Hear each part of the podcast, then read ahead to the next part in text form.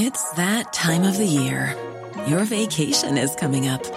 You can already hear the beach waves, feel the warm breeze, relax, and think about work. You really, really want it all to work out while you're away. Monday.com gives you and the team that peace of mind. When all work is on one platform and everyone's in sync, things just flow wherever you are. Tap the banner to go to Monday.com.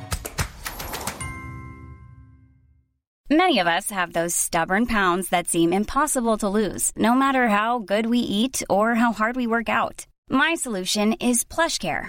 PlushCare is a leading telehealth provider with doctors who are there for you day and night to partner with you in your weight loss journey. They can prescribe FDA-approved weight loss medications like Wagovi and Zepbound for those who qualify. Plus, they accept most insurance plans. To get started, visit plushcare.com slash weight loss. That's plushcare.com slash weight loss.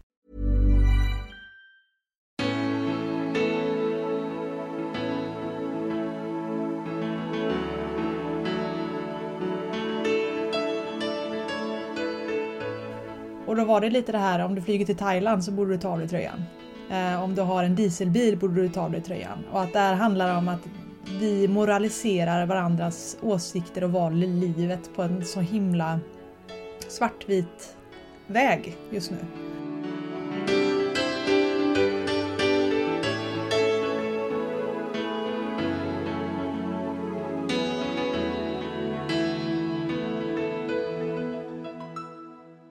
Alltså det finns många fantastiska saker som jag upptäckt efter att ha startat den här podden. Några av dem är att jag får lära mig otroligt mycket om saker jag inte hade en aning om. Och vilken förmån det är att få prata med en spännande person helt själv och där jag får ställa mina frågor. Men det allra bästa är att jag får vidga mina perspektiv och jobba med min trångsynthet. När någon faktiskt totalt smular sönder mina förutfattade meningar och ger mig helt nya vyer, ja då känner jag mig rik. En person som gjort detta på ett alldeles, alldeles speciellt sätt är den här tjejen i det här avsnittet. Emilia Astrenius Widerström. Eh, bondläpp, småbarnsmamma och eh, rockabillynörd. Ordförande i LRF Ungdomen. Mm. Mjölkpiga och framtidens landsbygdsföretagare. Eh, Välkommen till podden Spännande möten. Tack så jättemycket. Du, det ska här ska bli så intressant. Vi har ju haft ett uppsnack över lunch här så att eh, jag vet inte sjutton hur lång tid vi kommer att hålla på här. Det kanske blir två avsnitt, vad vet jag? Ja men precis, jag kände det också. Munlädret är igång nu i alla fall. Ja, ja. Um, du har tagit dig hela vägen hit till Lerum där vi är just nu i, eh, ja vad man ska kalla det för studio, men hemma hos mig i alla fall. Mm. Uh, från Moholm. Ja, det stämmer. Var bra. ligger det någonstans? Uh, ja, om man ska förklara Moholm, det ligger ungefär två och en halv mil ska vi säga, norr om Skövde. Eh, så om man åker tåg så åker man i Skövde, Töreboda och mittemellan så åker man igenom Moholm. Så tåget går igenom Moholm? Jajamän! Det ser man, det ska jag komma ihåg nästa gång. Ehm, du, jag blev lite besviken när vi åkte från restaurangen. Du kom inte i någon eh, blänkande amerikanare inte? Nej men det är ju vinter, då kan man ju inte åka amerikanare. Det är ju vägsalt och sånt där som kan förstöra bilen så då, då får den, på vintern så, så sover den i en vinterdvala. Ja men varför det jag ställer den frågan det ska vi ju reda ut alldeles eh, strax. Du. Men en annan sak som jag tänkte eh, vi behöver reda ut innan vi fortsätter det är eh, det här med LRF Ungdomen. Mm. Vad är det och vad gör ni? Precis, eh, och då är det LRF som står för Lantbrukarnas riksförbund har en ungdomsorganisation som heter då LRF Ungdomen. Och det är eh, människor mellan 16 och 36 eh, som studerar, är anställd, har företag eller verkar på landsbygden på olika sätt och inom det gröna näringslivet. Och vi är ungefär 16 800 medlemmar. Mm. Och det är där jag är ordförande helt enkelt. Så man är ungdom fortfarande med 36? Ja det är fantastiskt, är det? är det. Jajamän. uh, det man kan trösta sig med är att vi är inte äldst om man säger så utan det är väldigt många ute i Europa som eh, har sin medelålder på ungefär 42. På ungdomsorganisationer? Ja, på ungdomsorganisationer. Ja. Aj då, man håller sig ung länge man är, ja, men bonde eller?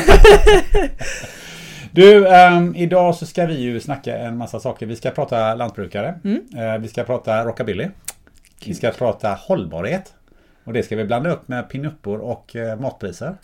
Eh, jord, normstorm, kött, grönsaker, gödsel, småstad, storstad.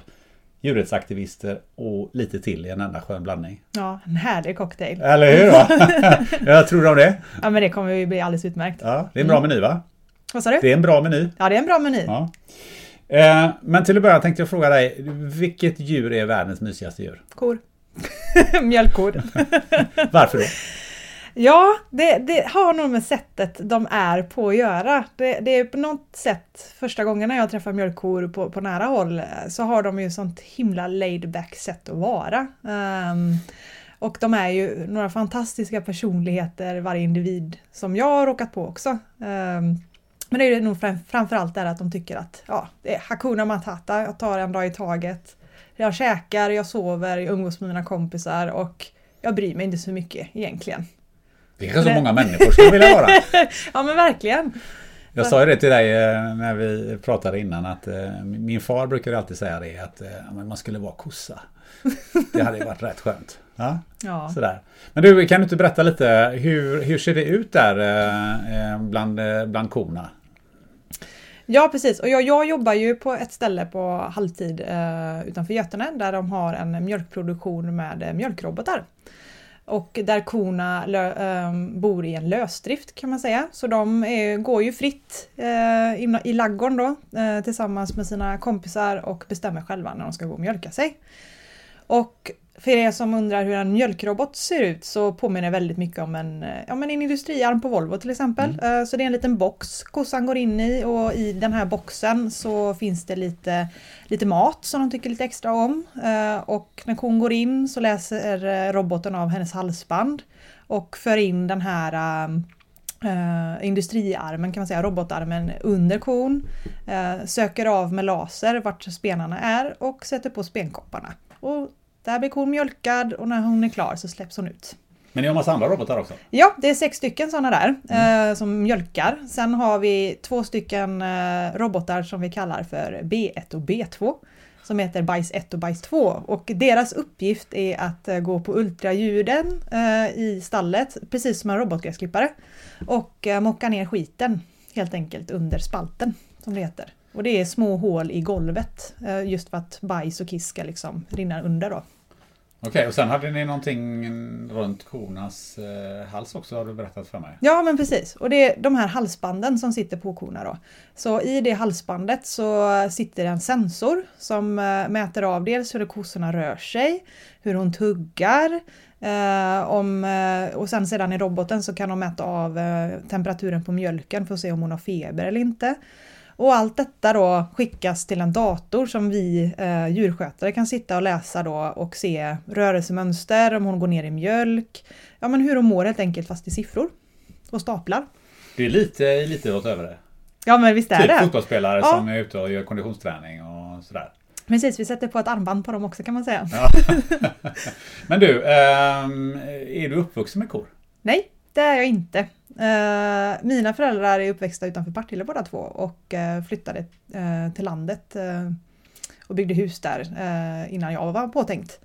Eh, så jag, men jag är uppväxt på landet där jag, utanför skogsbygden och det var där jag eh, odlade ett djurintresse kan man säga. Så Vad är, bara, vad är utanför skogsbygden? och Vad är Eh, det? Skogsbygden, ja precis. Det ligger mitt emellan Vårgårda, Borås, eh, Alingsås kan man säga. Det heter skogsbygden? Det heter alltså? Skogsbygden Aha, på riktigt. okej. Det är lite kul när man ska säga Ja. bara Hej I'm from Forest Land in Sweden. ja, på tal om normbilder. Lite Ja, så. just det, precis. Ja. Så ja, där växte jag upp och var en hästtjej och höll på med kaniner och marsvin och guppis och allt sånt där. Så att när det var dags att välja gymnasium för mig så ville jag dels att jag skulle kunna läsa naturvetenskaps, eh, naturvetenskapliga eh, ämnen för att jag ville bli veterinär. Och samtidigt så ville jag ju umgås med djuren, för det var liksom det jag brann för. Så då hittade jag ett program i Töreboda på ett naturbruksgymnasium där.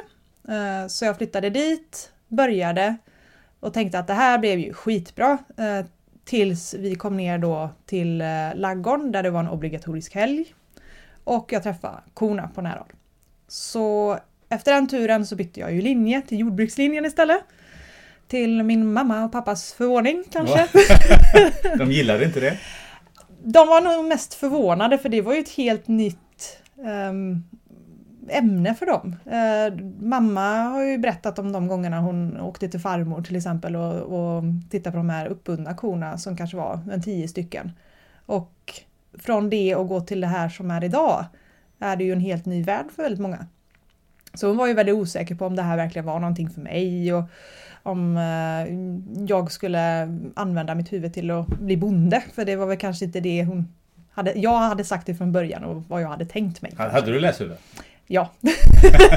så du hade bra betyg? Ja, det hade jag absolut. Uh, och sen så blev jag ju liksom kvar där uppe i Töreboda uh, och jobbade på lite olika gårdar runt om i Töreboda, Mariestadområdet. Det var det bästa jag visste liksom. Sen så någonstans i den vevan så eh, träffade din man också? Eh, ja, han är ju pappa till min yngste, det är han nu. Eh, och det är ju lite rolig historia för han är från Allingsås. eh, och vi träffade, träffades ju i eh, Lidköping för ett tag sedan i en rondell på en cruising. Eh, så att man kan säga att vårt gemensamma intresse för rockabillykulturen förde oss samman på det. Och samma år så beslutade vi för att äh, om vi ska tycka det här är bra så måste vi ju gifta oss på Västerås Power Meet uppe i Västerås. Ja, vad, vad tror, jag trodde att det var bondbröllop Nej, nej, nej, herregud. Vi firade in det här med drive-in bröllop och gospelkör. Oj, vad häftigt! ja, det var lite häftigt ja, faktiskt. Det var ju fantastiskt. Och sen så åt ni bröllopsmiddag där också eller? Ja, vi åt faktiskt bröllopsmiddag på McDonalds. det, det, var ju ett intressant ställe att ja. äta bröllopsmiddag på. Vad, hade ni hyrt en hel McDonalds då eller gick nej, det till? Nej, nej här, det var liksom efteråt så åkte vi in eh, till Västerås och, och cruisade tillsammans med de andra bilarna som var där då. Uh, lite fun fact är ju att Power Meet i Västerås var ju en av de största bilutställningarna uh, i världen. Mm. Så det är lite, lite så. Eh, så att då bestämde vi oss att nej, vi måste ju äta något efter vi har gift oss också. Så då blev det McDonalds. Men du, det här, kor eh, är ju en sak då, men det är ändå en bit till att vara intresserad av bilar.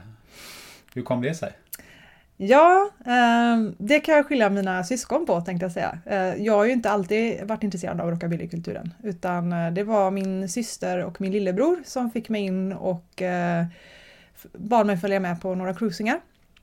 Och med det så insåg jag ju eh, med tiden att det är ju rätt så häftig kultur där tjejerna de sminkar upp sig liksom efter 50-talskulturen med eye, eh, med cat eyes och eh, röda läppar och killarna de ska meka och ha bakåtslickat hår och hängslen helst. Liksom. Det var grejen. Och, och, just den kulturen är ju verkligen, den har ingen ålder.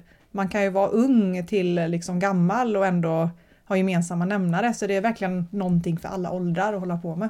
Men var kommer den kulturen ifrån egentligen? Vad är rockabillykultur?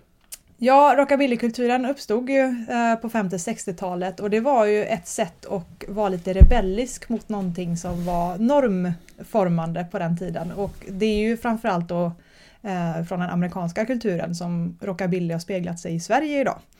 Eh, så det är mycket, ja men det är Elvis Presley, det är Betty Boop, det är eh, alla de bitarna eh, samtidigt som det blir mycket retro som det heter då. Då är det att man nytillverkar klänningar och sånt som ska påminna om 50-60-talet då. Sen finns det ju lite olika stilar i det här också som mm. väldigt många kanske blandar ihop rockabilly som ett och samma utan sen så finns det ju de som är mer 50-talister eh, som verkligen klär sig efter den epoken. Ehm, man köper vintagekläder, eh, färgar inte håret som, som jag gör utan liksom verkligen lägger håret på kvällarna och sådär. Och sen så har vi de här som är lite mer eh, psychobilly eh, som lyssnar på punk, rockabilly och har tuppkam och liksom ändå är med i den kulturen också. vilken genre är du då? Jag är nog den färgglada typen. Jag älskar ju verkligen eh, men mycket färgglada klänningar. Jag tycker om att ha de här klassiska frisyrerna med en modern tappning med typ hårfärger och sådär. Eh, så har jag ju även eh, varit lite fotomodell och så. Ehm, hur, ja, hur man såg ut helt enkelt. Okej. Okay. Och så åker man bil då. Och du har ju någon, vad är vi kommer tillbaka till det här med den amerikanen där. Vad, vad, är det för bil ni har? Jo, eh, när jag och min man gifte oss så bestämde vi oss för att inte åka på en bröllopsresa. Utan vi köpte en bil istället. Och mm. eh, det blev en DeSoto Fireflight ifrån 58. Ja. Mm. Vad är det som är speciellt med den då? Den är ju väldigt ovanlig eh, först och främst. Eh, de gjorde ju ungefär 2500 bilar av den eh, 58. Eh, och varav tre av dem eh, finns kvar, eller tre av dem finns kvar och finns i Sverige. Och vi äger en utav dem. Eh, och det var någonting med bilen när jag fick, det var min man som hittade den eh, och han skickade en bild på den och undrade vad jag tyckte. Och jag tyckte självklart skulle vi köpa den. så vi åkte och tittade och sen eh, vart vi fast. Och sen dess så har vi firat uh, familjesemestrar och många roliga lördagskvällar i den. Jag hoppas att du har någon bild eh, på den som du får eh, skicka så att eh, även lyssnarna får se hur den här bilen ser ut. Ja men absolut. Det låter ju fantastiskt. Mm. Men nu, eh, så, så, ni åker ut där allihopa då med barnen bak i bilbarnstolar och sådär? Jajamän.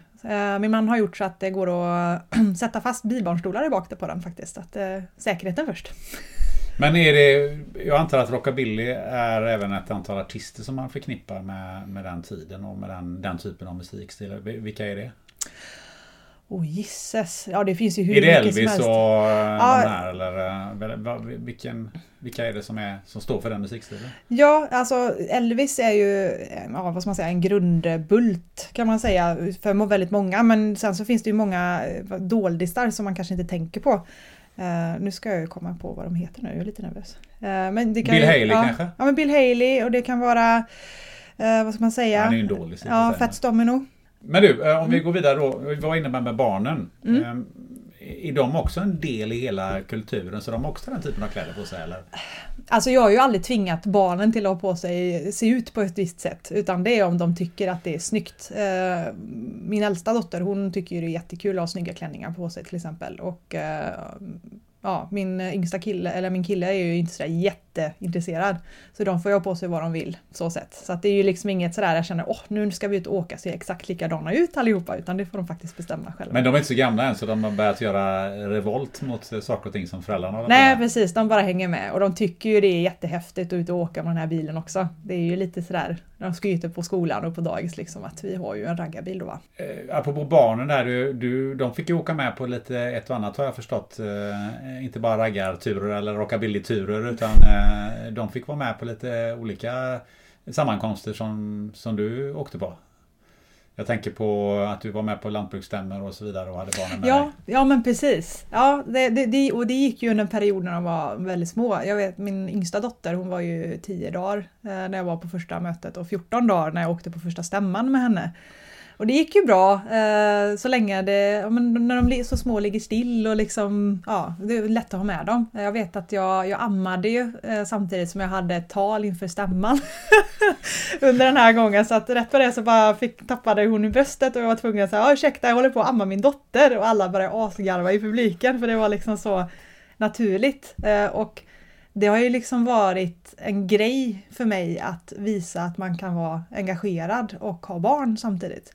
För, för, för någonstans så har man också fått fördomarna och förväntningarna att bara för att man är mamma så ska man liksom vara hemma och ta hand om barnen under en period och att det är nästan lite fult och tycka annat är viktigt också. Um, så det har liksom blivit en liten statement, statement för mig att man, man ska kunna vara engagerad och ha barn samtidigt. För du är lite så här att, eh, att eh, det bryter lite de här eh, stereotyperna. Mm. Men det är inte så många som skulle idag tror jag ställa sig på en konferens eller så och, och ursäkta bara, jag, jag håller på att amma samtidigt som jag håller tal här. Ja. och det är ju liksom jätteviktigt att, att man vågar göra det också för att det handlar ju om att i ett samhälle där, där ändå vi har en demokratisk process så måste vi också spegla samhället vi är i. Och det inkluderar även ammande mammor eh, och att det inte är um, en viss tid i perioden man ska liksom ja, inte vara med om man säger så. Utan man ska bara fokusera på barn och det, det har liksom aldrig passat mig heller. Eh, och då är det liksom viktigt att man står upp för de åsikterna. Apropå vågar här, du kallar dig själv också för pinuppa och det måste du nog förklara för det tror jag nog att eh, 99% eh, av eh, de som lyssnar undrar mm -hmm, vad är det där för Uh, ja, och det, och det, är också ett väldigt... Uh, många har ju reagerat olika på det här. En del tycker att det är riktigt kontroversiellt att kalla sig pinuppa. Uh, och det är väl lite det att det har ju en annorlunda betydelse idag än vad det ha, hade förr. Uh, om man ska backa uh, bandet och titta på rent historiskt vad en pinuppa var för någonting så, så var det oftast ett fotografi som soldaterna hade i sin plånbok när de befann sig ute på fält och uh, tittade på dem för och längtade tillbaks. Det kunde ju vara allt ifrån sin fru till kanske Betty Page-bilder till ja, sina idolflickor så att säga. Och oftast de här kvinnorna var ju om man tittar på idolsidan, eh, väldigt sådär de, var, gjorde ju en revolution på den tiden också. Att de, de stack utanför det här med vad normbilden av vad en kvinna var för någonting. Och det är väl lite det jag har anammat eh, som jag eh, säger att jag är pinuppa eh, och har ställt upp på, eh, liksom, för eh, välgörenhet och fotograferat mig för att jag vill visa att det kvittar hur man ser ut som en kvinna. Man kan vara lång, man kan vara tjock, man kan vara rund, man kan vara smal och ändå vara en förebild. För att det är liksom kvinnan i sig att visa sin kvinnlighet som gör eh, förebilden för andra. Om man inte är stolt över sig själv eh, så kan man inte förvänta sig att andra ska kunna ändra sin syn på en. Ja, fantastisk ståndpunkt. Mm. Eh, men du har ju tagit det här eh, ganska långt för du har ju till och med ett alter ego. Ja, precis. Vad är det? Eh, ja, hon heter ju Eva Lerouge eh, och eh, hon är en eldig, smart eh, kvinna med glimten i ögat och har väldigt roligt samtidigt som att hon inte bryr sig om vad någon annan tycker om henne. Och för mig så var det en, en start på ett för, självförtroende som jag inte hade när hon kom till. Um, det var många gånger jag har känt att jag har behövt anpassa mig för den jag är för att passa in i, eh, vad ska man säga, i samhällets normer kring vad en kvinna ska göra och inte göra. Så hon blev ju det här stegen till vad jag faktiskt är idag. Så hon är ju en del av mig idag. Eh, och det var tack vare henne som jag fann mig själv, om man säger så. Och du har ett, ett Instagramkonto? Ja. Eller hon har ett Instagramkonto? Ja, hon har ett Instagramkonto, ja. Precis. Ja. ja. uh, och det är ju Eva Leroche som det heter om man vill titta på detta. Vad är det du visar där? Ja, det har varit allt ifrån när jag varit på bilutställningar till fotograferingar till uh, fina gamla saker jag hittat som jag lägger ut där. Uh, nu har det varit lite still på det kontot just för att vi har haft lite andra prioriteringar men det är ju någonting som aldrig kommer att gå ur ränderna på mig heller. Så det kan vi rekommendera lyssnarna att surfa in där och, och, och kolla på, på det kontot? Absolut. För det är öppet? Jajamän, det är öppet och där kan man ju också titta på vad, mer på vad rockabillykulturen faktiskt är också om man är intresserad och vill veta mer. För du nämnde att du har varit lite fotomodell också i, inom samma område då? Mm. Eh, och eh, var väl med i någon kalender också? Ja precis, det var mitt första uppdrag. Eh, och faktiskt där Eva Lerouge fick sitt namn. Och det var en kalender för, ska vi se nu, 2017 tror jag, år. Så vi gjorde den 2016. Där jag är Fröken Mars. Mm. Och det var lite pirrigt att stå framför kameran och det här gjorde vi ju i samband och för Barncancerfonden. Så alla de intäkterna som kommer från den almanackan då eh, skänkte vi vidare. Uh, så att ja, det var intressant och med det så fick vi också, där fick jag också träffa uh, massa andra kvinnor som tänkte lite samma sak som jag kring hur man kände för sin kvinnlighet. Ja, för jag har tjuvtittat lite och det är fantastiska bilder alltså. Ja, det måste jag verkligen säga. Helt fantastiskt. Men jag tänker på det, mm. du har ju rätt mycket färg i håret. Ja. Om du byter färg då så du kommer in till korna, vad, vad händer då? Ja, det var ju en gång jag gjorde det och eh, jag har ju haft rött hår väldigt länge. Jag hade det i fyra fem års tid, det här eldröda. Och det var ju, jag hade varit hos frisören, jag hade bytt hårfärg och hade klippt mig och när jag kom in eh, till korna eh, dagen efter så tyckte de att nej, det där, vem är det där? Det där stämmer inte riktigt. Jag känner igen henne men vart har jag sett henne förut? så jag hade liksom 20 kor som liksom gick bakom mig och skulle du vet lukta och eh, nosa och vara lite, ja men en skräckblandad förtjusning.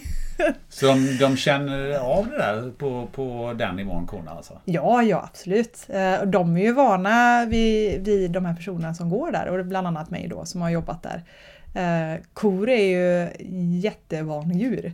Det är så fort det blir en förändring eller att det händer någonting i ladugården, ett ljud som de inte är vana vid, så blir det verkligen så här 100% uppmärksamhet mot vad det är. Oftast så kan de vara mest nyfikna, eh, men sen ska de också bli rädda.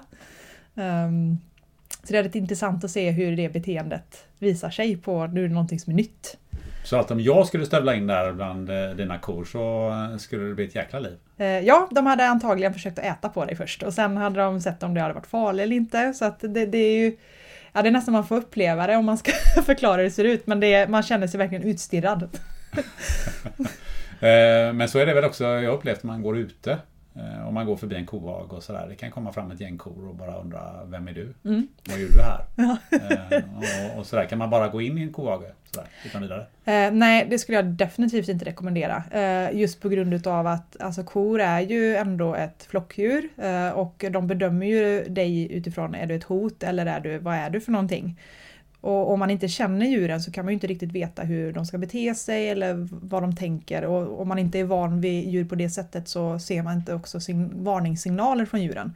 Så man ska definitivt inte gå in i en hage eh, med okända djur som man inte känner helt enkelt. Men det gäller väl både kor och hästar? Ja, absolut. För att det är ju så att de vet ju inte vad du är för filur och det kan sluta med att du kan bli skadad helt enkelt.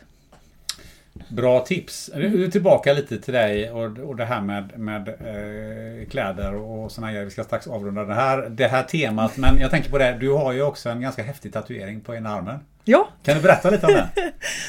ja, vad ska jag berätta om det? Jo, um, jag har alltså bland annat Wonder Woman eh, på min vänsterarm som är eh, en mjölkpiga.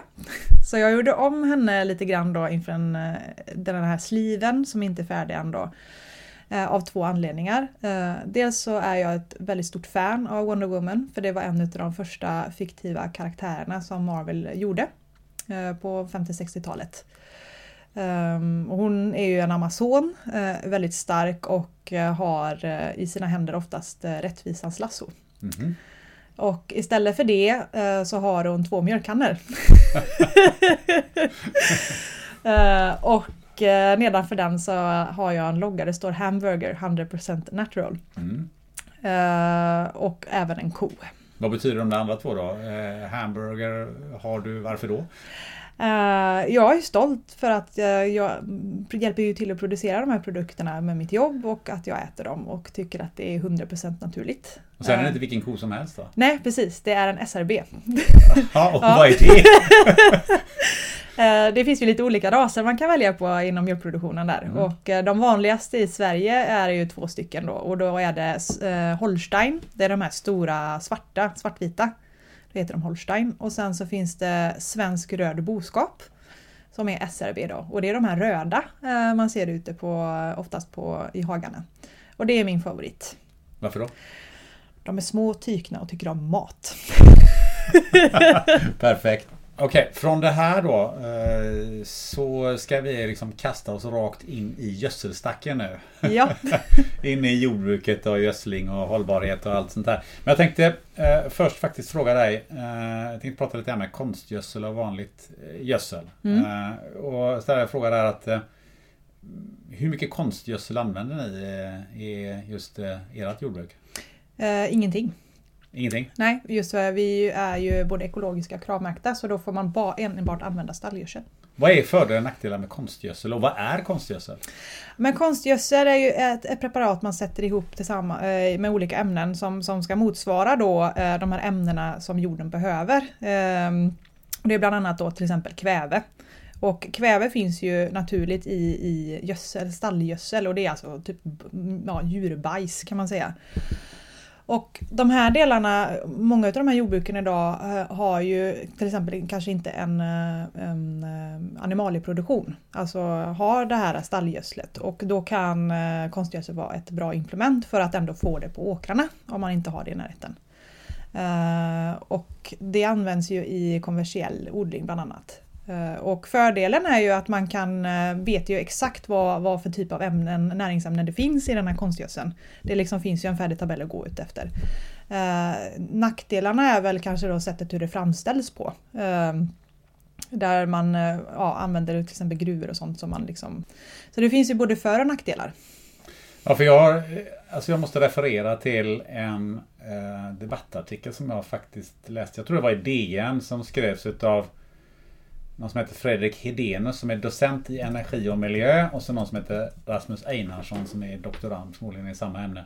Och då står det så här. För det första behövs inte gödsel från djur för att producera mat. Vi tillför ny växtnäring i form av konstgödsel för att ersätta det som läcker ut i miljön och det som tas ut i form av spannmål, kött, mjölk och annan mat. Eh, och då man ju fundera på, precis som du var inne på det här med konstgödsel, vad, vad är det för någonting? Och då, då googlade jag på det. Eh, och om man då tittar på vad det står på Wikipedia så är det då att 5% av världens naturgas går åt till att göra syntetisk ammoniak. Kalium och fosfor var vi redan inne på. Det kommer från gruvor och saltsjöar. Det är dels begränsade resurser och finns väl inte i någon större utsträckning i Sverige. Jag vet inte om vi har saltsjöar i Sverige. Eh, och kväve, det har vi ju ganska gott om eftersom det är 70% i luften då. Men det framställs med hjälp av fossila bränslen. Och då tappar jag det för jag får inte ihop det längre. Jag förstår inte eh, det här i relation till den allmänna hållbarhetsdiskussionen. Kan du eh, guida oss lite där? Ja precis och nu kommer vi in i någonting som är väldigt komplext att förklara så att jag ska försöka att liksom få till de här bitarna på ett bra sätt.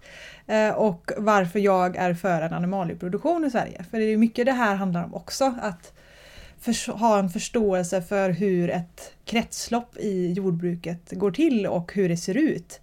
Eh, och konstgödsel har vi använt eh, ett tag eh, i olika former av produktioner också i, under en längre tid. Och det är ju fortfarande liksom någonting som vi behöver för vi kan inte tillföra den här näringen på något annat sätt. Um, och, och, i samband med att animalieproduktionen har gått ner i Sverige, som exempelvis har ju mycket mindre kor idag eh, än vad vi hade för 50-40 år sedan. Eh, så blir det, vi måste ju liksom tillföra de här ämnena för att det ska kunna växa någonting. Eh, för om vi inte skulle göra det så blir det ju sin tur att vi urlakar jorden. Eh, vilket gör att vi kan inte ja, odla spannmål eller grönsaker på samma sätt längre för de blir inte näringsrika eller så växer det inte alls. Så, så det är ju verkligen det här med på hur kan vi få en hållbar produktion samtidigt då som att vi behöver tillföra då eh, de här ämnena på ett annat sätt. Så det, det är en komplicerad fråga och, och, jag har inget bra svar riktigt på hur vi ska gå tillväga utan det här handlar nog om att vi behöver gemene man förstå konceptet vad är ett kretslopp och hur kan vi använda alla de här delarna på ett bra sätt. Men är kogödsel bättre? Innehåller det mera? Blir jorden bättre eller vad är, vad är så att säga skillnaden där? Ja, men om man tittar på en ko då till exempel, om vi ska ta det som ett exempel, så är det ju då att kon äter ju gräs som växer från marken. Eh, kon bajsar, då kommer de här näringarna som kommer från det här gräset tillbaka till jorden. Och det, det, liksom blir ju, det var ett väldigt förenklat kretslopp på det sättet. Om vi ska använda konstgödsel då eller vice versa som vi behöver fortfarande så blir det att vi plockar vi ju näringen någon annanstans och för till den här jorden. Och vårat, vad ska man säga, när vi äter maten så kommer ju inte ämnena tillbaks till där den kommer ifrån utan det kommer ju någon annanstans eftersom vi inte sprider människoskit på eh, gärdena på samma sätt. Så att det där handlar ju om att på hur kan vi använda våra ändliga resurser på ett eh, sunt sätt? För att det vi tar, tar ifrån marken måste vi också lämna tillbaka. Men är det så att eh, det här konstgödslet innehåller mycket färre ämnen som på något sätt påverkar jorden. Jag tänker på, jag hade en eh, läkare i funktionsmedicin som har varit i podden tidigare, mm. heter Peter Martin. Och han sa ju att många ämnen som fanns för hundra år i våra grönsaker och, och, och, frukt och så vidare finns inte kvar. Bland annat eh, så var magnesium som hade minskat med 80 procent. Och, och, och, det var orsaken till många, många av de eh, kroniska åkommorna som, som vi har idag. Är det så att vi vi skulle få i oss mer näringsämnen och, och det skulle vara mer balans om man skulle använda sig av naturgödsel än de här konstgödsel som egentligen bara innehåller några grundämnen. Mm. Alltså det finns nog många förklaringar till varför, som du säger där med grönsakerna, varför magnesiumet har försvunnit. Och det kan ju ha med ja, men, vad är det för typ av odlingskultur man har där man odlar de här grönsakerna.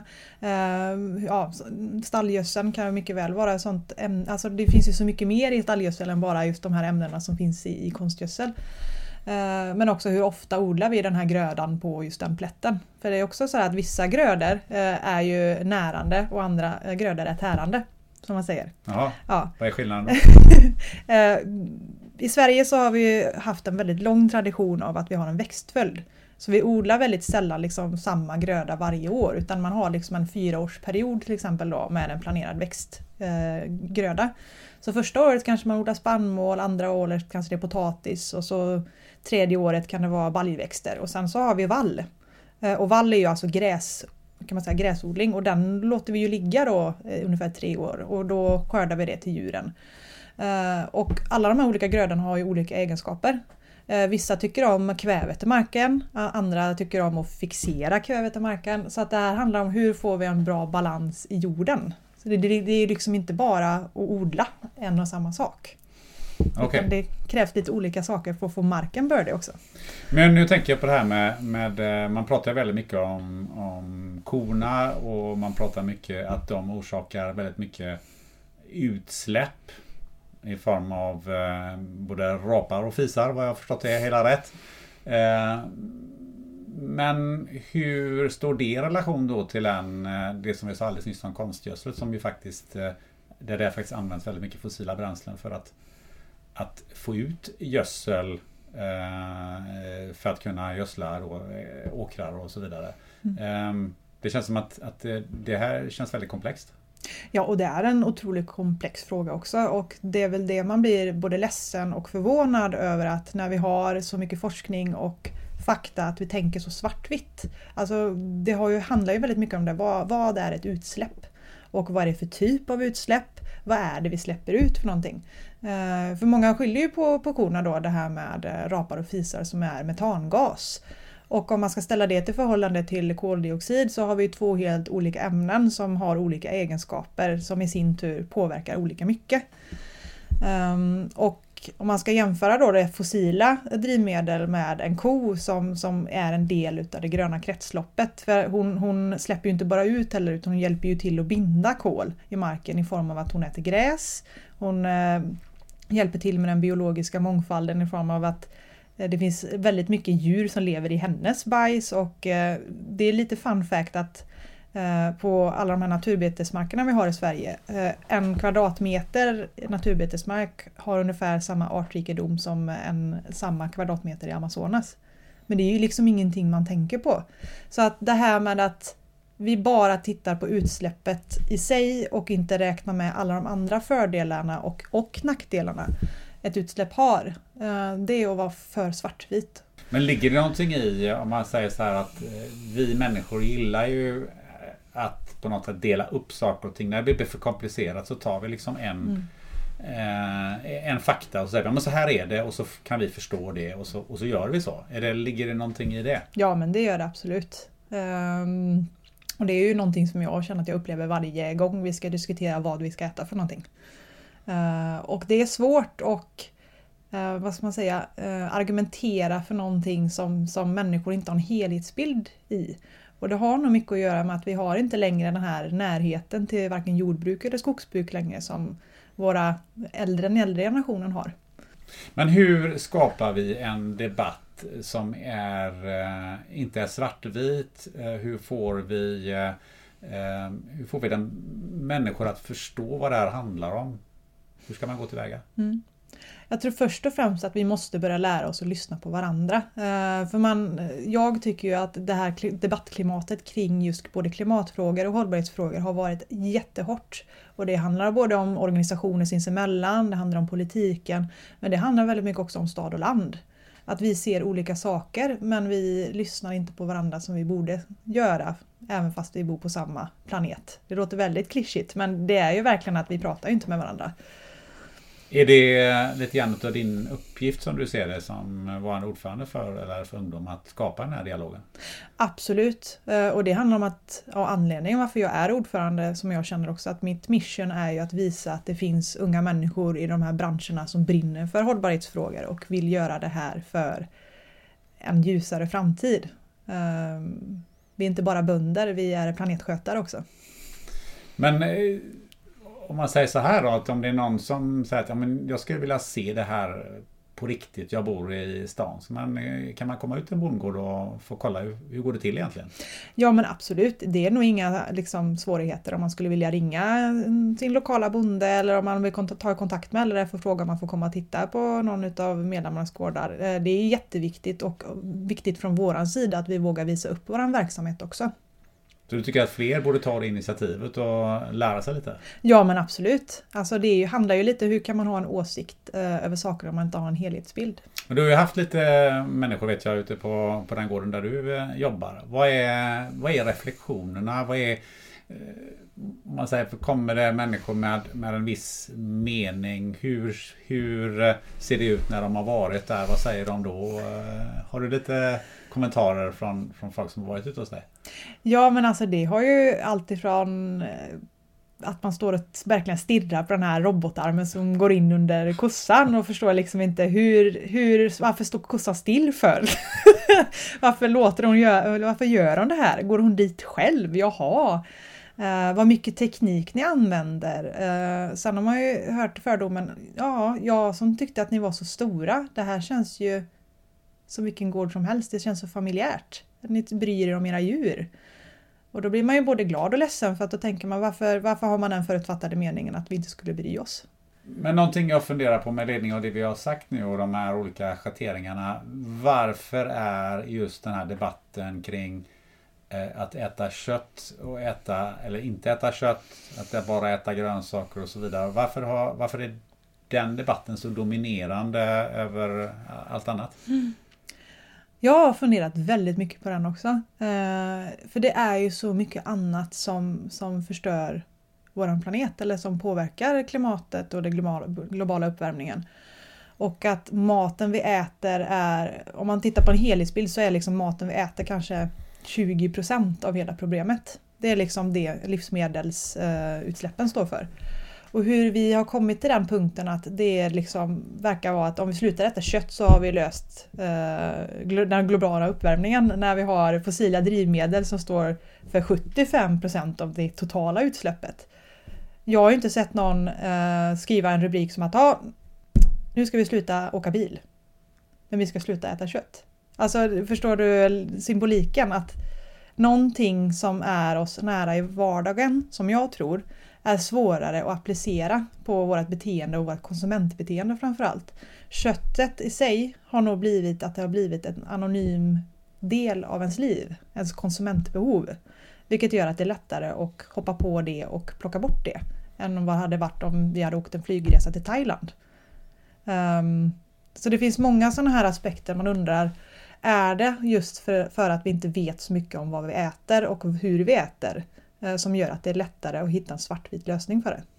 Men vad skulle hända om vi eh, skulle göra så som många förespråkar är att sluta äta kött överhuvudtaget och bara odla grönsaker i ett land som, som Sverige? Mm. Hur skulle det se ut då?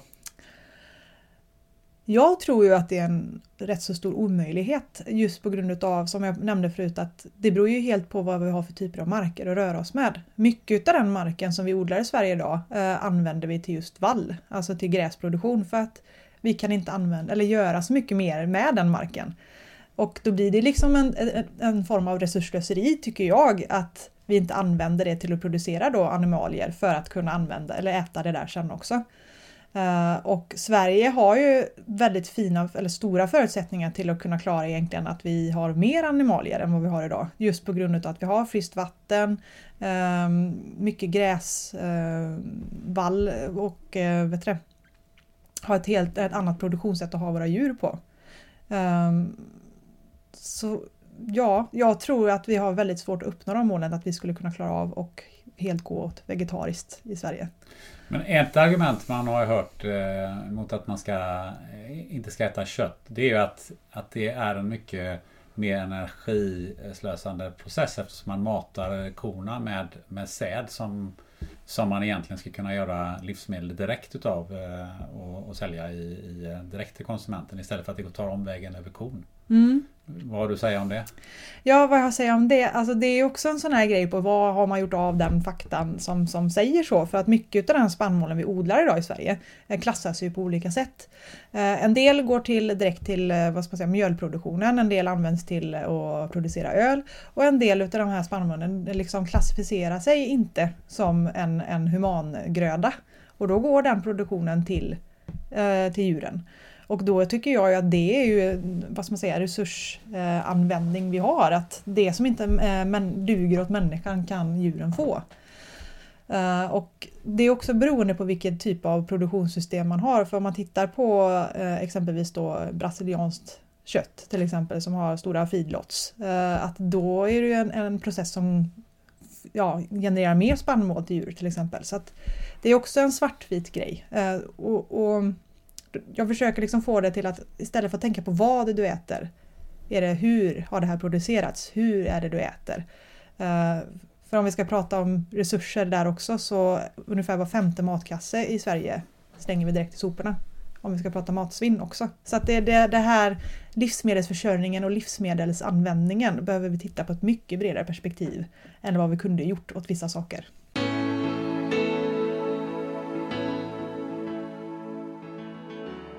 Importerat kött, svenskt kött och kravmärkt kött. Ja, har du stått framför köttdisken och funderat på vad som egentligen är skillnaden? Det ska vi reda ut nu med hjälp av Märta Jansdotter från Gröna Gårdar som ju också sponsrar podden. Så, vad är skillnaden egentligen? Ja, och jag ska börja säga att vi pratar om nötkött nu för vi hinner inte med de andra köttdetaljerna så vi begränsar oss. Men generellt sett kan man säga när det kommer till importerat nötkött är ju att det ofta kommer från en väldigt storskalig uppfödning. Är det europeiskt så sker det ofta inomhus så att djuren går aldrig ut och betar. Och kommer det från Brasilien eller från USA så är det ofta så att de står på stora så kallade feedlots, så att de betar inte gräs utan de står utomhus men blir utfodrade med stora mängder kraftfoder.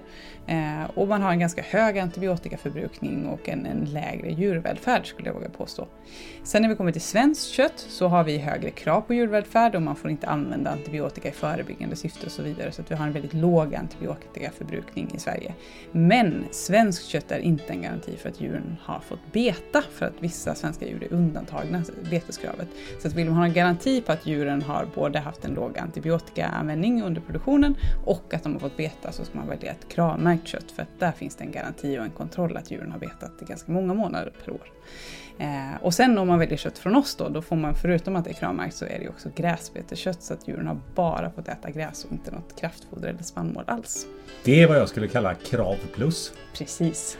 Och var köper man det någonstans då? På grönagårdar.se såklart. På grönagårdar.se. Gå in där och handla.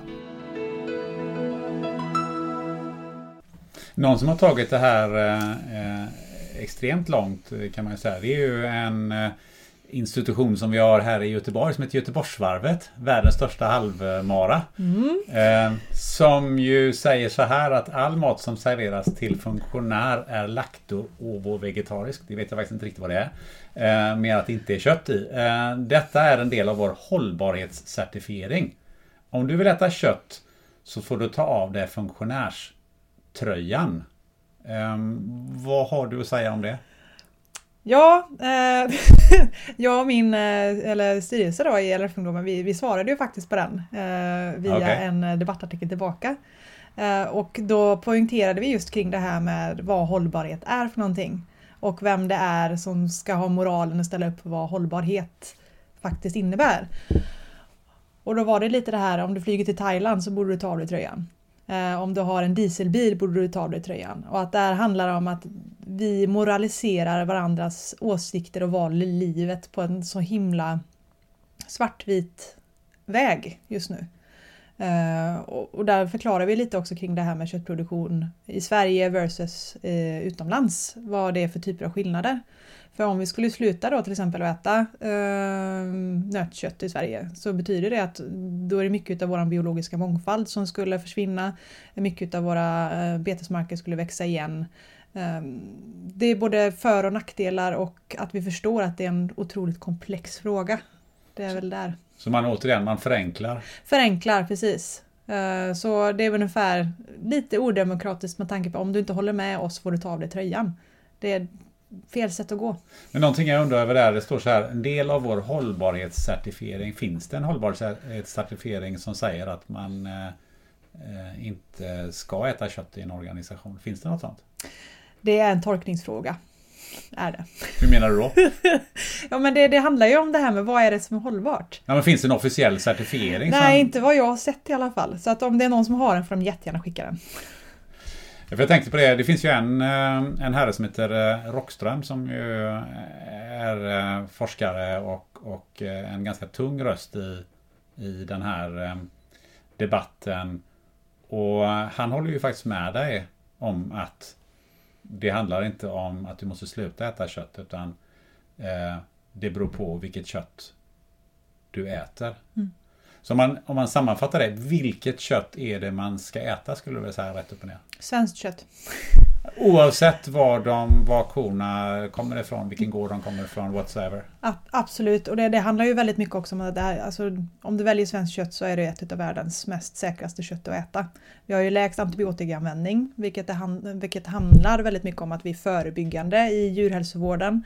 Uh, djuren får utöva sina be naturliga beteenden och uh, det, ja, men det är en god djuromsorg vi har i Sverige.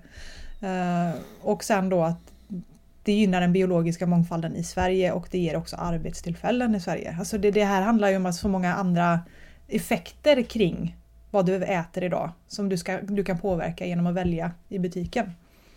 Men någonstans eh, de här korna som du, som du säger att du älskar att gå omkring med och så, kring eh, och eh, vara med och som ju faktiskt då känner igen dig om du har blått eller rött hår.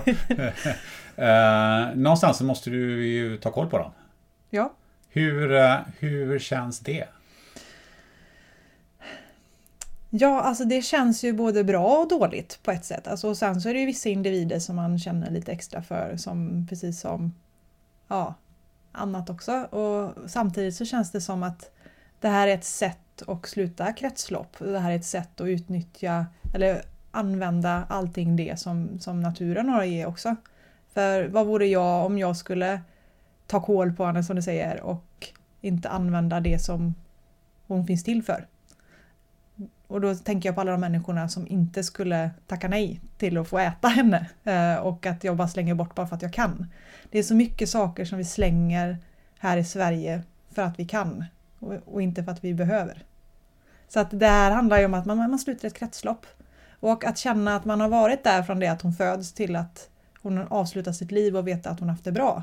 Det är en jättestor liksom, värdering för mig att veta det. För det är ju det som djurrättsaktivister eh, har som en av sina främsta argument. Mm. Att man slår ihjäl djur. Precis. Och det ska man inte göra. Eh, säger de. Mm. Eh, vad, vad skulle du vilja säga till dem? Att, alltså jag respekterar människor som har eh, olika åsikter om vad jag, vad jag har kring det här. Och det här är ju dels både en djup filosofisk fråga. Det är ju, handlar ju om både etik och, och moral och hur vi som människor ser på, på liv. Uh, däremot så tycker jag definitivt att det inte är acceptabelt att man använder odemokratiska sätt och övertyga någon annan på. Nej, för det har ni råkat ut för. Ja, det har vi. Och det, det har varit många medlemmar som har, som har varit rädda för att just visa upp sin produktion på grund av att man har den här bilden och rädslan utav djurrättsaktivister. Ja, kan du beskriva lite där hur... För det har ju varit en hel del sådana saker under de senaste månaderna. Kan du ge några exempel på hur det där har gått till och hur det har sett ut? Ja men det har ju varit allt ifrån att det har varit de här aktivisterna och eh, dykt upp på din gårdsplan och demonstrerat med eh, skyltar och skrikit saker åt dig till att man ringer om nätterna eh, och hotar. Det kan vara allt ifrån att jag hoppas att du dör till att jag ska mörda dig till att man ringer till deras barn och hotar också. Eh, och att det har ju allt, varit allt ifrån gravskändningar till mordbränder också. Så att det, det här är ju fruktansvärt allvarligt och hemskt att människor går till den gränsen att man gör så här mot, in, alltså mot mänskliga individer. Men hur kan man, hur kan man stoppa det här? Ja, dels så, så har ju vi i LRF tittat på eh, olika åtgärder och, och att den största bristen idag är väl att man inte riktigt kan sammanfoga alla de här brotten på olika platser i landet med samma politiska motivering till varför man gör det här. För det är ju en politisk motivering eh, att man utför sådana här dåd, eh, om man säger så. Att det, det är för att du inte tycker som dem. Eh, och det behöver ju ses mycket allvarligare på både i politiken eh, men också från samhället. Att om man berättar om det här som har ändå pågått i många år så kommer det som en chock för väldigt många att det är så allvarligt. Så det här är inget nytt? Nej, det här är inget nytt. Absolut inte. Däremot har det eskalerat under de senaste åren just för att de här människorna som gör det går fria. Det är kortare straff och böter och sen händer det inte mer. Men hur kan man få ställa sig på en gårdsplan och, och överhuvudtaget göra intrång så, så nära en gård? Ja, det kan man ju undra för att om man hade hamnat i ett bostadsområde och eh, ställt sig och protesterat i eh, en trädgård på ett villaområde så hade det inte alls varit samma acceptans kanske än vad det är, faktiskt är.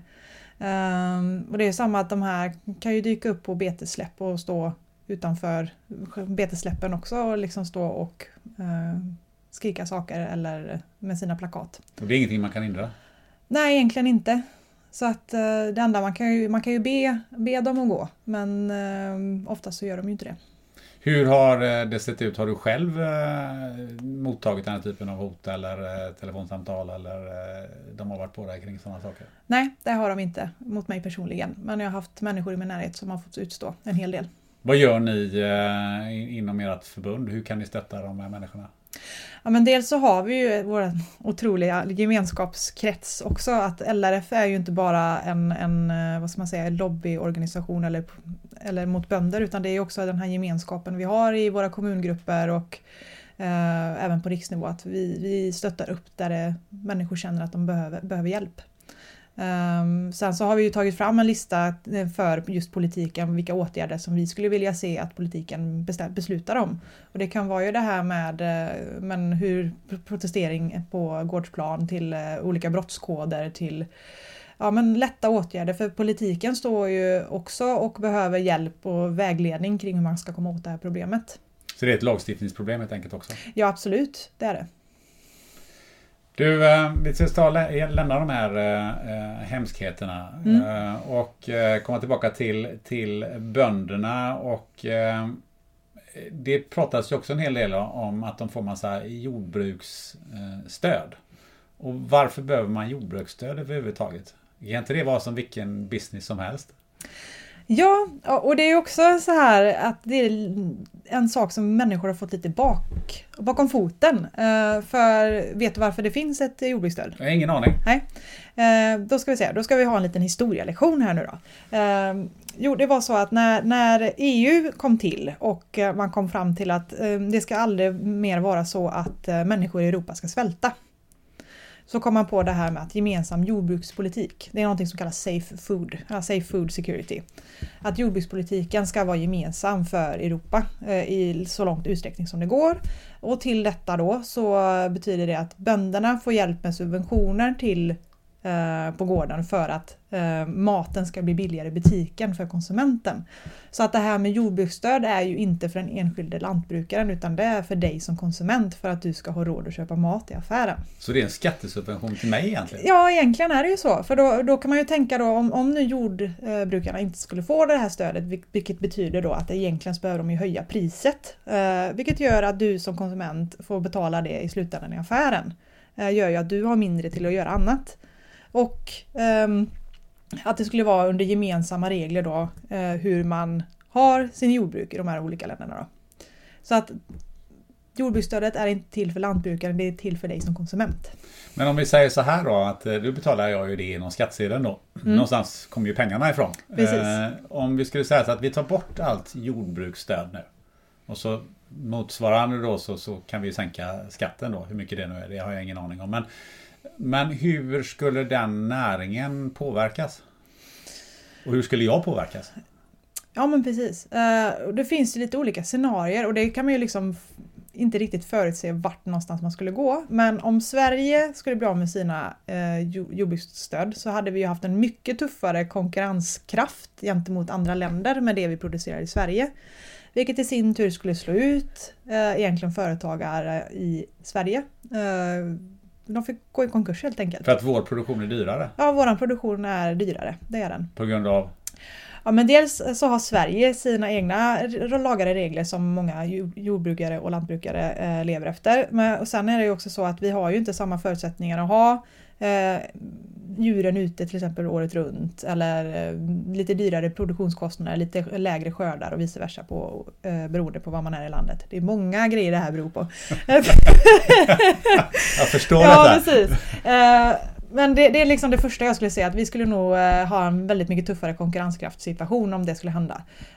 Um, sen eh, så från dig från, som konsument så betyder ju det att det kommer antagligen komma en höjning av pris i mataffären, vilket gör att du kanske får en ehm, större utsatt um, ekonomisk situation än vad du har idag.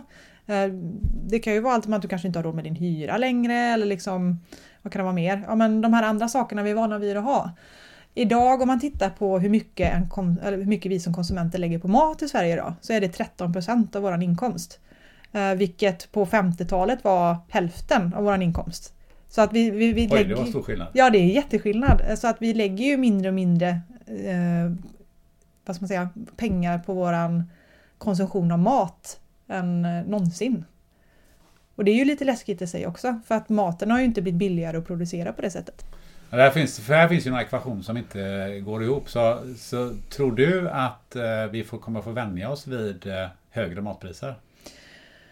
Ja, det tror jag absolut och det har ju också flera faktorer, inte bara på grund av EU-stöden. för, för nu händer det ju också även något stort i Europa och det är ju Brexit. Och den, utfallet av den har vi ju inte sett än heller också för att det kommer att drabba jordbrukspolitiken på ett eller annat sätt i form av att det blir en nedskärning på budget för nya jordbrukspolitiken och det är någonting som man tittar på nu då, kommande jordbrukspolitik i EU. Så Storbritannien är en sorts nettobidragsgivare i, eh, i det här systemet? Då? Ja, de har ju en väldigt stor del utav, utav det så det kommer ju bli en minskning på just jordbruksstöden. Det kommer det bli, men på vilket sätt och hur, det vet vi inte än. Men kommer vi också förvänja oss vid högre matpriser på grund av att vi ställer ännu större krav eh, på, eh, på jordbruken när det gäller att gå ifrån eh, fossila bränslen, när det gäller djurhållning, när det gäller vad, vad, vad djuren ska äta och, och alla de här ekologiska bruken och så vidare?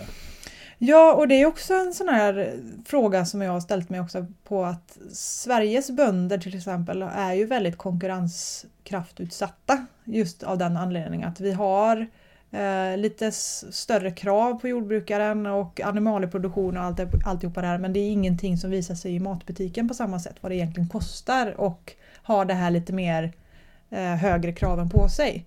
Eh, så frågan är vad som händer då om konsumenten ställer de här kraven men är inte villig att betala för det. För det är lite det som man upplever. Ja. Debatten är, är att vi ställer, vi vill ställa ännu högre krav, det ska vara ekologiskt och så vidare. Men när vi går in i butiken så lik förbannat går vi och köper kyckling för 27,95. Ja, och så frågar Kilot. vi inte varför det kostar 27,95. Nej, för det är någonting som jag funderar på. Just kyckling tänker jag på. För det där är att, att köpa en ekokyckling och köpa en, en fryst kyckling eh, är ju en gigantisk eh, skillnad. Och det sa ju någon eh, charkuterist till mig något, vid något tillfälle. Han sa så här, men du fattar, du kan ju inte... Det är omöjligt att, att, uh, att du får en kyckling för, för under 30 kronor kilot. Ja. På ett vettigt sätt. Det mm, går inte. Mm. Nej, och det var någon som sa till mig en gång att det kostar oss dyrt att äta billigt. Och det, det, det ligger någonting väldigt mycket i det. Att vi måste någonstans eh, ta det ansvaret i butiken att jaha, här står jag med en svensk köttbit och den kostar ja, exempel 114 kronor kilot och här står jag bredvid en annan köttbit som kommer från, ja, från en annan plats i världen och den är hälften så dyr. Eller billig, eller ja, det kan vara liksom den. Varför? Hur kommer det sig att den är billigare än den här? Alltså så tänker vi kring med både telefoner och mobiler när vi tittar på Blocket efter en ny bil. Jaha, varför kostar den här 40 000? Vad är för fel på den här? Alltså vi använder inte det tänket när vi tittar på maten. Och det är jätteläskigt. Men är, vi, är konsumenten beredd att betala den här prislappen för klimat, i klimatfrågan? Ja, Både ja och nej. Dels så ser man ju att eh, människor har ett större intresse för just hållbar mat och svensk mat framförallt. Men sen så är vi lite grann när det kommer till kritan på om det är konsumenten eller samhället i sig som ska ta den här prislappen. För det är ju lite sådär att det är ju ingen som betalar bonden till exempel för att vi eh, bygger solpaneler eller biogasanläggning till exempel. Det visar ju sig inte på slutnotan att vi har gjort den här investeringen utan Frågan är vems ansvar det här är, att vi kan ställa det på någon utav oss utan om vi ska tänka att det är för ja, vad ska man säga, eh, både samhället, konsumenten och bonden som ska stå för prislappen. För det är lite fel att bara säga att det är den ena eller den andra. Men är det inte till stor del konsumenten? Så länge vi eh, vill, vill köpa saker och ting till eh, ett ibland underpris. Det gäller ju både kläder och, och mm. mat eller eh, vad du nu vill. Att vi alltid går, ska köpa det, det som är billigast. Eh, oftast det som är smartast. Eh, då. Det, det ligger ju någonting i det då, alltså, i, i det resonemanget då. Eh, men är det inte någonstans vi som måste börja med det för att, för att få mm, för att påverka producenten och, och, för att påverka hela, hela kedjan. Annars så vältrar vi ju över det på någon sorts eh, vad ska man säga, mer diffus eh, ja, staten ska ta hand om problemet eh, resonemang. Jo, absolut. Konsumenterna har ett jättestort ansvar att påverka vad vi producerar och, och framförallt eh, ha koll på sitt konsumtionsmönster. För det, det kan ju bara du som enskild person påverka. Men om du skulle ge en rekommendation till eh, en eh, konsument nu och som går in på en ICA-butik. Mm. Titta efter de här grejerna, köp det här. Mm. Wow! Dels så skulle jag säga så här, om du letar efter ett schysst kött så leta efter Svensk köttmärkningen. Ja. Eh, den märkningen finns också på andra ställen på olika produkter som det står från Sverige. Och då har du en garant på att du kan titta efter egentligen på var, hur det är producerat, var det kommer ifrån och eh, hur liksom förädlingssystemet ser ut också. Så det är mitt första tips. Eh, sen eh, tycker jag att du ska äta efter säsong. Eh, det finns eh, ju, alltså våran grönsaks och fruktdisk har ju totalt exploderat under min, min levnadstid. Alltså jag är, fyller snart 30 och det är liksom så här, ja det fanns kanske bananer och meloner när jag var liten. Men nu är det liksom Alltså konstiga frukter som har taggar på sig och vice versa. Var kommer de ifrån? är liksom, vi är så vana vid att ha ett extremt stort utbud att vi har glömt av vad som är säsong just nu. Vet du vad som är säsong just nu att äta i Sverige? Ja, men om jag får gissa så är det väl eh, inte frukter som är konstiga taggiga för det, har vi väl, det är väl aldrig säsong för det i Sverige. Men eh, eh, om det inte är nypon som man avser med det kanske möjligtvis. Men, eh, men, nej, men jag tänker mig rotfrukter är väl någonting som man i alla fall förr åt mycket mm. kålrot och potatis och den typen av produkter som man har, som man har lagrat. Ja, kanske inte så mycket Kanske inte så mycket jordgubbar och sparris. Nej, alltså det existerade inte jordgubbar i, i december för mig. Alltså det som kommer från Egypten och då, då är frågan det här moraliska man kan tänka då som konsument. Alltså behöver jag ha jordgubbar i december? Hej, it's Paige DeSorbo from Giggly Squad. High quality fashion without the price tag. Say hello to Quince. I'm snagging high-end essentials like cozy cashmere sweaters, sleek leather jackets, fine jewelry, and so much more. With Quince being 50 to 80% less than similar brands. And they partner with factories that prioritize safe, ethical, and responsible manufacturing. I love that. Luxury quality within reach. Go to quince.com slash style to get free shipping and 365-day returns on your next order. quince.com slash style. Quality sleep is essential. That's why the Sleep Number Smart Bed is designed for your ever evolving sleep needs. Need a bed that's firmer or softer on either side? Helps you sleep at a comfortable temperature? Sleep Number Smart Beds let you individualize your comfort so you sleep better together. JD Power ranks Sleep Number number 1 in customer satisfaction with mattresses purchased in-store. And now, save 50% on the Sleep Number limited edition Smart Bed for a limited time. For JD Power 2023 award information, visit jdpower.com/awards. Only at a Sleep Number store or sleepnumber.com. Hey, it's Ryan Reynolds and I'm here with Keith, co-star of my upcoming film If, only in theaters May 17th. Do you want to tell people the big news? All right, I'll do. it. Sign up now and you'll get unlimited for $15 a month in six months of Paramount Plus Essential Plan on us. Mintmobile.com slash switch. Upfront payment of $45 equivalent to $15 per month. Unlimited over 40 gigabytes per month. Face lower speeds. Videos at 480p. Active Mint customers by 531.24 get six months of Paramount Plus Essential Plan. Auto renews after six months. Offer ends May 31st, 2024. Separate Paramount Plus registration required. Terms and conditions apply if rated PG. Det, behöver, jag ha, behöver jag ha den här äh, frukten just nu? Alltså det där handlar ju om att hur mycket sånt som vi faktiskt inte behöver som vi köper i alla fall. Och där kan man ju ta snacket egentligen, tänker jag, lite snäpp längre på typ det här med både chips och godis och sötsaker och sånt också. Att det här är ju liksom ändå saker som vi egentligen inte behöver men som vi konsumerar. Så mycket av det här eh, som konsument kan vara jättejobbigt men samtidigt så behöver man liksom ändå hitta en motivering till varför konsumerar jag detta just nu. För där kommer vi in lite där, eh, godis och chips och sånt, det är ju processad mat. Likväl Mm. som konserver eller färdig mat eller något sånt där. Och där är väl det att processen som sådan eh, har en, en påverkan på miljön. Mm. Ja precis, så att allt, allt det här är ju ändå en härlig cocktail av vad du som konsument tänker kring din mat. Och så länge du börjar att tänka eller liksom börjar att processa det här hos dig själv så är det ett steg framåt för en hållbar matkonsumtion imorgon. Har du några mer tips? Mer tips, mer tips. Eh, köp inte mer än vad du äter upp. Det är också väldigt mycket det här att eh, vi slänger så fruktansvärt mycket mat som, som blir svinn. Att det här har ändå gått igenom en process från jord till bord och så äter vi inte upp det. Och det är mycket grönsaker och det är mycket mejeriprodukter. Eh, vi måste lära oss att använda saker även fast datumet har gått ut också. Fantastiskt bra tips. Du, ehm, tillbaka till bondgården och den brukar ju oftast, eh, för att säga alltid, ligga någonstans ute på landet eller är nära, nära en mindre stad eller en, en mindre by. Mm. Och det finns ju en diskussion kring eh, det här med st- storstad och, och småstad. Eh, Och att vi måste satsa på, på att hela Sverige ska leva och, och den här typen av diskussion. Men det finns ju någon annan, eh, som heter, en kille som heter Kjell A Nordström som är företagsekonom och författare. Som ju har ritat upp en helt annan bild. Eh, Han sa vid Nordisk Business Forum i Sweden 2017 så sa han så att Värmland och Gotland är framtida skräpytor. Och sen fortsatte han med att säga så här. Där finns inga universitet, ingen underhållning, ingen shopping, bara träd. Åker du dit kommer du hitta tre alkoholister, några barn och ett par knäppjökar. Det är det som återstår. Alla andra har stuckit. Det låter som en lätt dystopisk bild. Ja, jag undrar var de här barnen kommer från när det bara var knäppjökar och alkoholister. Det... Detta är ett citat, vill jag ju väldigt väl framhålla. Gissas. det här är ingenting som jag hittade på inför den här podden.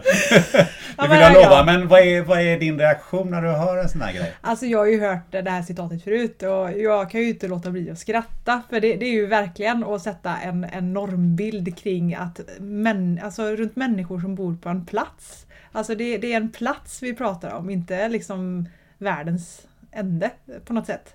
Eh, och jag tycker det faktiskt är väldigt tråkigt att vi har en, en, en bild av att framgång innebär att man är, bor i ett urbant område.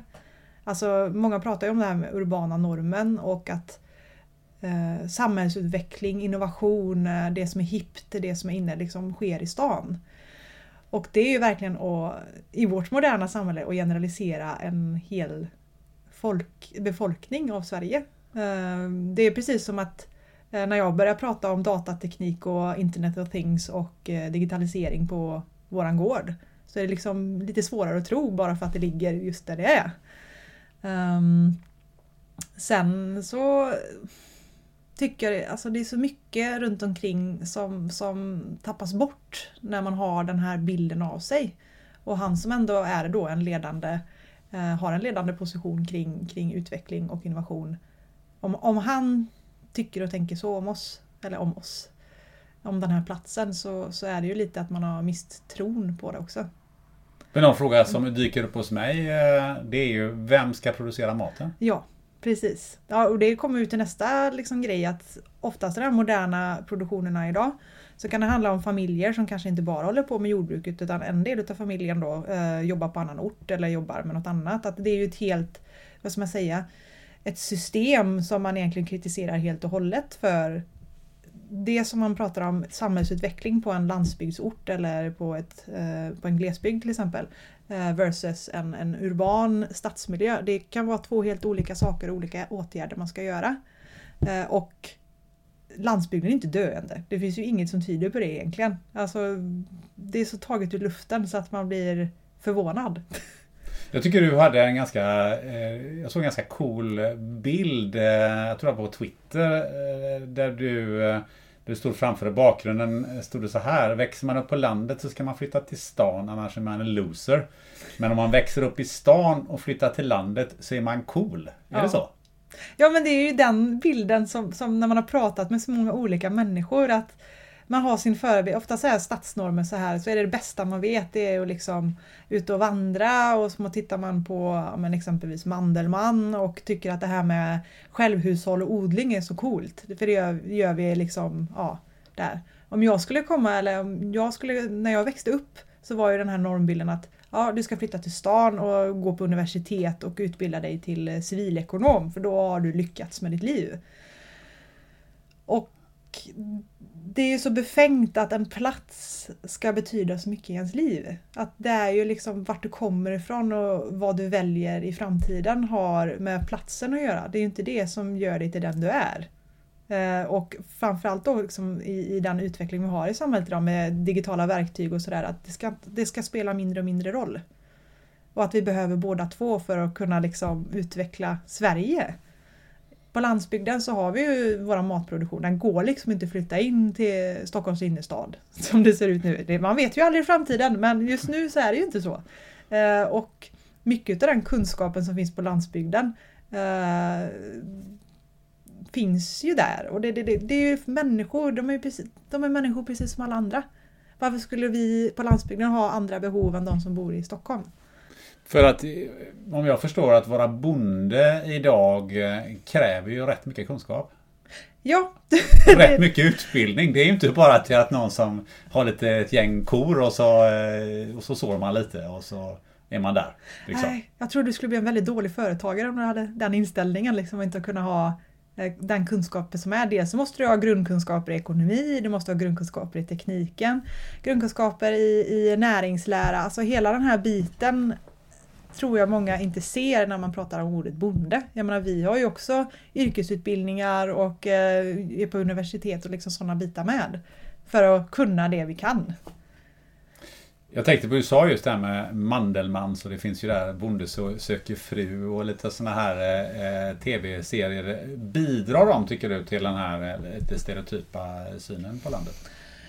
Men jag tycker de bidrar till både och. För samtidigt så är det ju jättekul att man, det blir uppmärksammat i TV och att man ger den bilden som i Bonde söker fru och, och Mandelmann är ju en fantastisk företagare också. Eh, det jag saknar är väl diversifieringen i vad som är en jordbrukare eller skogsbrukare. Eh, eller om man är trädgårdsodlare eller vad som helst. För inom det här gröna näringslivet, det är liksom 64 verksamhetsgrenar som håller på med olika saker. Så att det är ju inte bara liksom att man har kor eller grisar eller turism eller vad det nu kan vara. Att jag, jag saknar mångfalden, den bilden till gemene man egentligen. 64 näringsgrenar sa du? Ja men typ, det är nog säkert fler. Men, det, det, Men vilka är de största? Det låter ju som otroligt många. ja, men det, det är ju de så största med jordskog och trädgård. Att det är allt ifrån eh, spannmålsodlaren på Varaslätten till eh, Ehm, vad ska man säga, trädgårdsodlaren eh, som odlar squash eller vad det nu kan vara. Till hästföretagaren. Till, alltså det finns så himla mycket kul att hålla på med i det här. Så att eh, det är svårt att förklara. Eh, men jag tänker på det här, vi var ju inne på det här med, med eh, klimatsmart och, och människor som, som yttrar sig om, om de här sakerna eller som, som deltar i debatten. Ehm, hur är det med det? Är det lika många som faktiskt är i näringen som de som faktiskt inte är i näringen som deltar i debatten? Eller vilka är det som, som debatterar eh, mest? För ibland får jag en känsla av att det är väldigt mycket högutbildade storstadsmänniskor som, som diskuterar de här frågorna. Ja, alltså den uppfattningen eh, har väl jag delvis också. Men samtidigt så känner vi att ja, LRF-ungdomen har jobbat hårt i år för att just få in den här foten i just hållbarhetsfrågorna. Vi vill ju prata om dem med alla möjliga typer av konstellationer också för att det blir ju lite det här att det blir vi och dem i en fråga som berör oss allihopa. Och om vi inte får in den här aspekten från landsbygden eh, kontra bonden kontra storstan så får vi inte en helhetslösning eh, som vi faktiskt behöver för att lyckas. Jag kan ge ett exempel på eh, men det här med eh, subventionerade elcyklar. Det funkar inte på landsbygden utan vi kanske skulle behöva då en, en laddningsstation eller biogasanläggning så vi kan köpa en biogasbil. Alltså det kan ju vara liksom sådana grejer som vi behöver titta på ett mycket bredare perspektiv än vad vi gör idag. Eh, det, det man ska ha jäkligt klart för sig är att klimatproblematiken eh, och den globala uppvärmningen är ingen universallösning och vi måste sluta tänka på det som att det vore en universallösning. Då blir det dags att avrunda mm. den här, eh, det här fantastiska samtalet som jag tycker att jag har fått ha med dig om alla de här frågorna. Eh, tycker du att vi har täckt in det mesta eller är det någonting som du känner att det där ska vi ta och prata om också? Wow, alltså det, vi kan nog sitta här och prata en vecka om olika saker som jag har tänkt på men det får bli någon annan gång. jag tror också ja. det. Eh, nej, men det har varit eh, fantastiskt att få prata med dig. Hur har det känts att sitta mitt emot mig där eh, bakom den här mikrofonen? Ja, men det är alltid intressant att prata om just de här frågorna och det är ju fantastiskt kul att du är så intresserad eh, och att jag har ju också fått lära mig av dig. Eh, för det här handlar ju också om att vi måste lära oss att prata på ett språk som vi båda två förstår. Tack för det. Ehm, om du skulle sätta någon eh, på din plats som du tycker att jag ska intervjua eller som du kanske själv skulle vilja intervjua, vem skulle det vara? Ja, det här är en rätt så ny bekantskap som eh, brinner för kultur eh, och tillgängligheten för kultur för alla. Eh, och han heter Mattias Viktor Desak. Ja, spännande. Mm. Det har jag en person som jag aldrig hört talas om. Du får förklara lite mer. Ja, nej, men det är just det här. Vi, vi går eh, samma kurs just nu som heter Höj rösten. Eh, där det är morgondagens eh, politiska ledare. Och den här killen han pratar just det här med hur vi får kulturen in i en demokratisk eh, uppbyggnad av samhället. Och det är en fråga som jag aldrig har tänkt på förut, på hur kultur påverkar eh, både dig och mig i samhället som det ser ut idag. Var verkar han? Var får man tag på honom? Ja, det låter han, väldigt spännande. Han befinner sig i Stockholm just nu. Så att jag ska ge dig lite uppgifter så ska du ta kontakt med honom och prata om detta. Det låter väldigt spännande. Mm. Um, Helt slutligen då, om man vill få kontakt med dig eller följa dig i några sociala medier, mm. vad eh, ska man göra då? Ja, dels så har vi Facebook-sida på LRF-ungdomen. Eh, sen har vi även Instagram med samma namn. Eh, jag finns på Twitter med hela mitt namn, Emilia Astrenius Widerström. Jag har två olika konton på Instagram också och det är Emilia Astrenius och även vårat Eva Leroche. Mm. Så där går det att följa mig. Mm. Mm. om man vill mejla till det, då mejlar man till LRF någonting? Ja, eller precis. Vad gör man då? Eh, och då är det emilia.astrenius.widerstrom.lrf.se Det är jag och Pippi Långstrump som har sådana många namn, känns det som, ibland. Emilia, mm. underbart att jag fick sitta här och prata med dig i, eh, ja, vi har pratat i nästan en och en halv timme. Åh herregud! Fantastiskt roligt och ett stort tack! Ja, tack själv! Hoppas du som jag fått nya perspektiv på en del frågor. Och då menar jag inte bara huruvida köttproduktion är bra eller dålig. Toppen om du vill betygsätta podden i iTunes. Och vill du diskutera något eller bara komma med glada tillrop så tror jag du vet var du hittar podden. Just det, i alla sociala medier. Nästa vecka kikar vi in bakom kulisserna hos svenska idrottsstjärnor. Man slog henne väldigt hårt därför att hon inte var härifrån. Man, jag tror att journalisterna var lurade, de kände sig lurade. Därför slog de tillbaka på det sättet. Fan, här var vi med och hyllat henne sina helsike och sen gör hon så här mot oss ungefär. Och... Ehm, nej, hon var kvinna och sen var hon, var hon inte från Sverige. Det är extra hårt. Hade det varit en man från, från Sverige, och det har vi exempel på, som har dopat sig och inte blivit närmelsevis lika illa behandlade. Där man sagt förlåt och varit med på Mästarnas Mästare, etc. etc. Det kommer att bli en hel del avslöjanden som du varken läst eller hört om förut av de svenska idrottsagenternas Nestor Keith Karlsson. Tanka ner avsnittet på torsdag morgon så kommer du garanterat ligga steget före kvällspressen.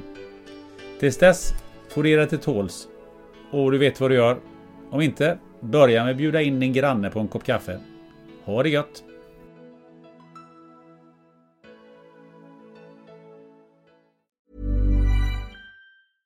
Ever catch yourself eating the same flavorless dinner three days in a row?